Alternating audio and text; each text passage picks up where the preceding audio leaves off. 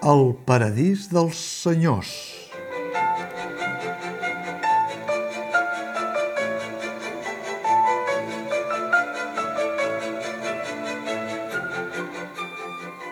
La temporada passada,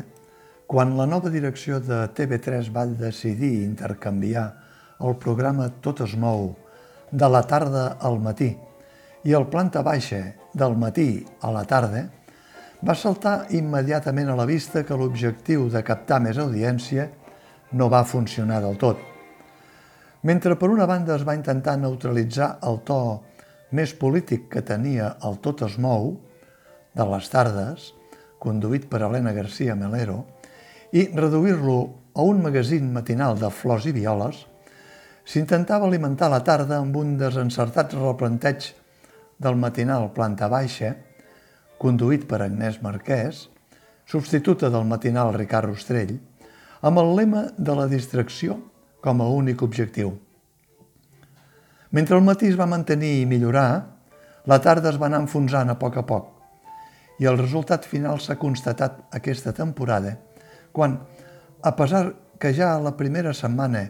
i també al cap de 15 dies, a l'acabament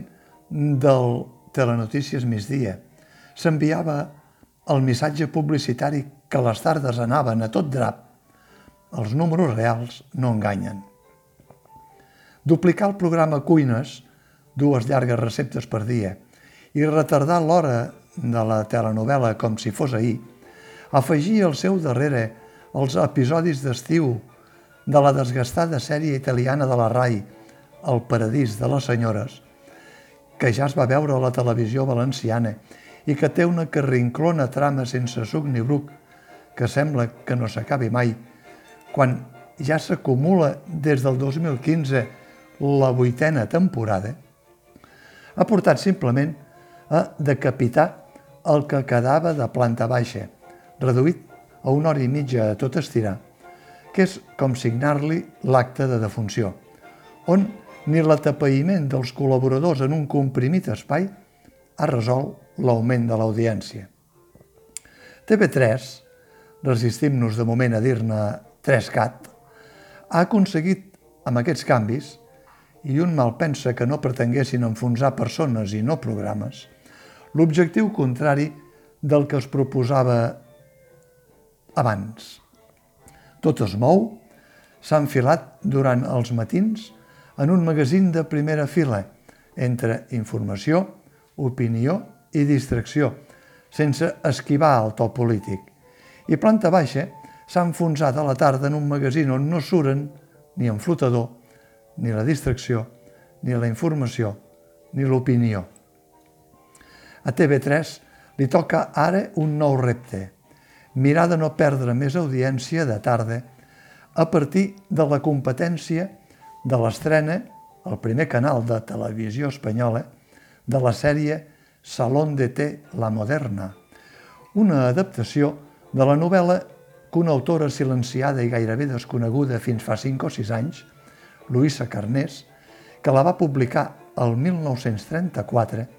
en plena eufòria de la República i que retrata lúcidament i des d'una òptica feminista d'avantguarda una època convulsa que s'ha convertit en lectura d'adolescents als instituts i que ja va tenir una adaptació teatral fa dos anys amb el títol original de la novel·la Three Rooms, Mujeres Obreras, estrenada a l'escenari del Fernán Gómez Teatro de la Villa de Madrid. Caldrà un cop de timó ben espavilat perquè les tardes de TV3 no s'adormin del tot en el paradís de les senyores i es despertin amb el paradís dels senyors. Dels senyors, vull dir, que confeccionen les graelles de la programació de la televisió catalana sota consignes de la Corporació Catalana de Mitjans Audiovisuals, d'una pretesa neutralitat política i d'una pseudopluralitat que evidencien només que el que es vol, en el fons, és silenciar allò que de debò interessat i interessa l'audiència que ha estat fidel des de sempre al canal que dirigeixen.